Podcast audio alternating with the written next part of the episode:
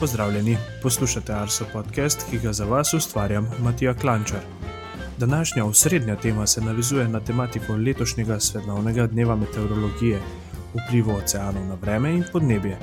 Naročite se na naš podcast, v stik z nami pa lahko stopite preko elektronskega naslova podcast.arsoafna.gov.si ali preko družbenih omrežij. Na Twitterju smo Meteosi, na Facebooku in Instagramu pa nas najdete pod imenom Arso Vreme. Vremenska uganka. Če ste dobro poslušali zadnjo vremensko uganko, odgovor ni bil pretežak. Del planetarnega kroženja zraka, ki ga poganja segrevanje in dviganje zraka v ekvatorialnem pasu in spuščanje na subtropskem območju, namreč imenujemo s strokovnim izrazom Hedlijeva celica. Tokrat gremo z vremensko uganko v preteklost. Zanima me, kdaj je bila ustanovljena predhodnica Svetovne meteorološke organizacije, manjši namik, ena izmed glavnih pobudnic za, ustan za ustanovitev Mednarodne meteorološke organizacije je bila Avstro-Ogrska. Odgovore nam pustite v komentarjih na Facebooku, na Instagramu, na Twitterju ali pa nam jih pošljite po elektronskem naslovu podcast.arsoafna.gov.si. Osrednja tema. Vsako leto 23. marca obeležujemo Svetovni dan meteorologije. V letošnjem letu se je vse vrtelo okrog vpliva oceanov na vreme in podnebje. Danes v srednji temi bomo s klimatologom Gregorjem Vrtačnikom tudi izpostavili nekaj pomembnih točk glede oceanov, podnebja, vremena. Na tem mestu, Gregorja, lepo pozdravljam. Pozdravljen. Gregor, zakaj so oceani sploh tako pomembni pri podnebnih spremembah? Velikrat slišimo vse o vremenu, o oceanih pa malce manj. Ja, oceani so poleg ozračja verjetno najbolj bistven del podnebnega sistema, stališča energijskih tokov, segrevanja, kroženja vode, najbolj pomemben del zemlje. In če, so, če je ozračje, recimo, temu, se zelo hitro odziva na podnebne spremembe, pa oceani poskrbijo, da te spremembe potekajo počasneje, kot bi sicer. Oceani so drugače ponor eh, oglikovega dioksida in pa toplote pri podnebnih spremembah. Lahko mogoče to točko malce bolj razložiš? Ja, poleg eh, kopnega oceani, tako kot kopno, približno četrtino oglikovega dioksida, tega presežnega, ki ga v zrače spušča, spuščamo mi s svojim delovanjem, usrkavajo in s tem zmanjšujejo naraščanje količine oglikovega dioksida v zraku. Tako ta uh, količina oglikovega dioksida v zraku narašča približno polovico počasneje, kot bi, če ne bi imeli ponora v oceanih in pa na kopnem. Uh, druga zadeva, ki je pa morda še bolj pomembna, je pa, da oceani bistveno, uh, recimo, temu, upočasnjujejo segrevanje um, tega podnebnega sistema kot celote, se pravi kopnega ozračja, in tako naprej.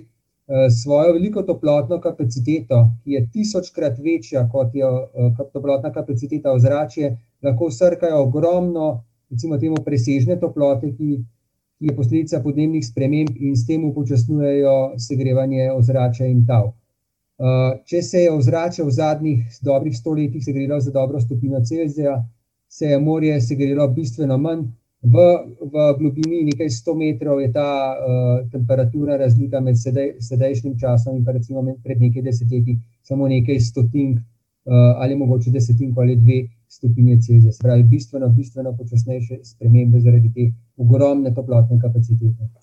Večkrat, recimo, tudi v medijih slišimo na dogajanje, na taljenje ledu na Arktiki, kako pa morje okrepil ta vpliv segrevanja na, na tem območju.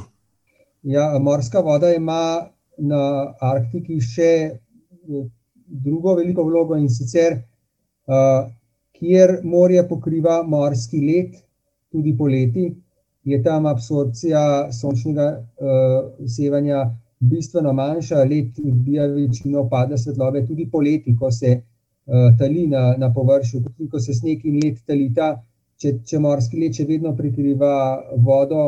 Eh, se tam absorbira morda le kakšnih 40-50 odstotkov sončnega obsevanja, medtem ko um, popolnoma nezamrznjeno morje pa lahko absorbira tudi 90 odstotkov upadnega sončnega sevanja. In to pomeni, da če se zmanjšuje količina morskega ledu v poletnem času, kar se v zadnjih desetletjih dogaja, imamo vse večjo absorpcijo sončnega obsevanja, kar seveda vodi v povratno zanko in še nadaljne taljenje uh, ledu. V zadnjih 30-40 letih se je uh, površina uh, morja, prekrita z morskim ledom na severu, zmanjšala za približno 5 ali 6 milijonov kvadratnih kilometrov, kilometrov na 3 milijone kvadratnih kilometrov. Se pravi, je zdaj morskega ledu v drugi polovici poletja približno pol manj, kot ga je bilo še nekaj desetletij nazaj. In te trendi, verjetno, so seveda še vedno obrnjeni v negativno smer. Ja, in se bo predvidoma to nadaljevalo še vsaj nekaj desetletij. Po zadnjih eh, projekcijah eh, podnebnih modelov je kar precejšna verjetnost, da bo že pred sredino tega stoletja uh, Arktični ocean proti koncu poletja, recimo avgusta ali pa septembra, uh, praktično ne zamrznen, popolnoma, uh, popolnoma brez ledu in s tem se bo tudi odprla, vsaj za mesec ali dva, uh, severna morska pot, ki povezuje uh, Evropo in pa Daljni vzhod. Zdaj, nedavno smo videli, kakšne težave povzroča, povzroča blokada pomembnih morskih poti, to se je zgodilo v Suezkem kanalu. Uh, no, ta morska pot bi lahko, severna morska pot bi lahko preusmerila del te globalne trgovine uh, iz, uh, teh, uh, recimo iz uh, Indijskega oceana na uh, severno ledeno morje oziroma Arktični ocean. Gremo mogoče malce še pogledati stvari, kako vpliva morje na, na samo Slovenijo. Čeprav vemo, drugač, da Slovenija sama po sebi nima veliko morja, ampak dogajanje na, na morju in tudi na oceanih, pa posredno ali pa neposredno vplivajo tudi na vreme pri nas. Uh, če pogledamo, recimo, kako morje blaži temperaturne spremembe na obali, lahko mogoče to trditev malce bolj uh, razložiš? Morje na podnebje oziroma vreme v Sloveniji vpliva tako prek padavin, kot tudi temperaturno. Uh, temperaturni vpliv, seveda, najbolje poznajo prebivalci obale oziroma tistih krajev, ki so od morja oddaljeni tam recimo do 10-20 km. V toplih uh, poletnih in pomladanskih dneh je značilno, da sredi dneva zapiha osvežilen veter z morja, ki uh, zniža tole naraščanje temperature glede na kraje v notranjosti. In zato je običajno poleti na obali nekoliko hladneje sredi dneva in popoldne, kot je recimo v Vipavski dolini, običajno, kjer, kamor običajno vpliv uh, maestrala ne seže. Po drugi strani pa morje tudi skrbi za to, da ohranja dokaj visoko nočno temperaturo zraka na, na obali, eh, zlasti to očitno v tistih krajih, ki so nekoliko dvignjeni, ki so na takem gričevnatem terenu, v bližini morja, recimo v Koperu eh, ali pa višjih delih Portoroža, je temperatura zraka poleti pogosto celo noč nad 20 stopinj, kar je v veliki meri posledica uh, morja, ki preprečuje, oziroma, ja, preprečuje nastajanje jezer hladnega zraka, kot recimo se to dogaja v kotlinah in nižinah notranjosti Slovenije. Druga pomembna posledica, ki je pa povezana ne samo z morjem, ampak tudi z gorskimi pregradami uh, v Sloveniji, je pa, da ob jugozahodniku običajno k nam prinese topu in pa sorazmerno vlažen zrak, ki izvira iznad uh, sredozemlja, uh, Severne Afrike ali pa celo tropskega dela uh, Atlantika. Uh, nad morjem se, vod, se zračna masa uh, ne vlaži in ta topla zračna masa, kadar z uh, precejšno recimo, hitrostjo trči ob gorske pregrade v Sloveniji, uh, povzroči obilne padavine. Ko imamo vsako leto nekaj primerov, ko pade vsaj recimo, na manjših območjih več kot 100 mm. Dežja v enem dnevu, v ekstremnih primerih, tako tudi več kot 300 mm. No, in to je v veliki meri, meri kombinacija morske, tople morske zračne mase in pa narivanja na gorske pregrade. In to je značilnost uh, številnih uh, območij po svetu, kjer gore ležijo v neposrednji bližini morja. Gregor, najlepša hvala za te uh, razlage. Mislim, drugač, da so poslušalci tudi uh, lepo slišali, kako uh, morje in oceani vplivajo na vreme in podnebje. in menim, drugač, da bomo tudi v prihodnosti tudi pri nas spremljali preko podnebnih projekcij tudi te zadeve. Hvala, Gregor, še enkrat. Hvala tudi tebi. Obeti. Vremensko napoved za naslednje dni je pripravila Veronika Hladnik Zakotnik. Veronika, kakšen pa je bil letošnji marec? Mesec marec se zaključuje.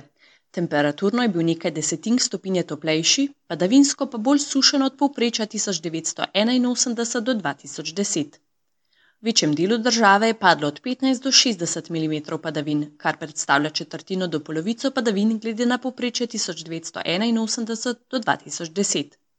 Ob manj padavinskih dneh je bilo tudi sonca več. Trajanje sončnega obsevanja je bilo po nižinah okrog tretjino več glede na povprečje 1981 do 2010. Zadnji marčevski dan bo suh in sončen s temperaturami do 24 stopinj Celzija. Temperaturno podobna bosta tudi četrtek in petek, le oblačnosti bo postopno nekoliko več. Četrtek se bo nekoliko pooblačilo v vzhodnji polovici Slovenije, v petek pa bo popovdne spremenljivo oblačno s krivnimi plohami in posameznimi nevihtami.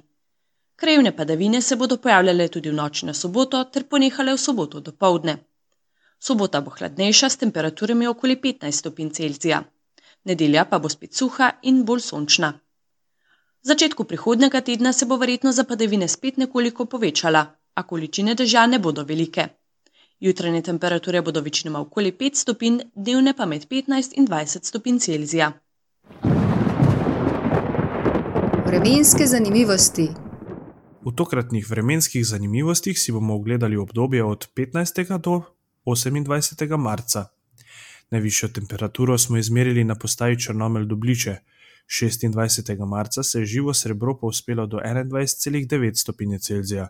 Najnižjo temperaturo smo izmerili na Kredarici. Termometer je 21. marca pokazal minus 19,7 stopinje Celzija. Tudi najhitrejši sunek vetra smo tokrat izmerili na Kredarici. 22. marca je pihalo s hitrostjo 110 km/h. V preteklem 14-dnevnem obdobju smo največ padavin izmerili na postaji Sveti Trije kralji na Pohorju, kjer smo 15. marca izmerili 33 mm padavin. Za konec še podatki o sončnem obsevanju. Najbolj sončna postaja v obdobju je bila postaja Slavnik, kjer je sonce sijalo 116 ur in 26 minut. Največ sonca v enem dnevu pa je zbrala postaja Lisca, kjer je 25. marca sonce sijalo 11 ur in 45 minut. 58. epizodo smo z vremenskimi zanimivostmi pripeljali do konca. Hvala vam za vse odzive, kritike in poslušanja. Želimo vam obilo lepega vremena in se slišimo čez 14 dni.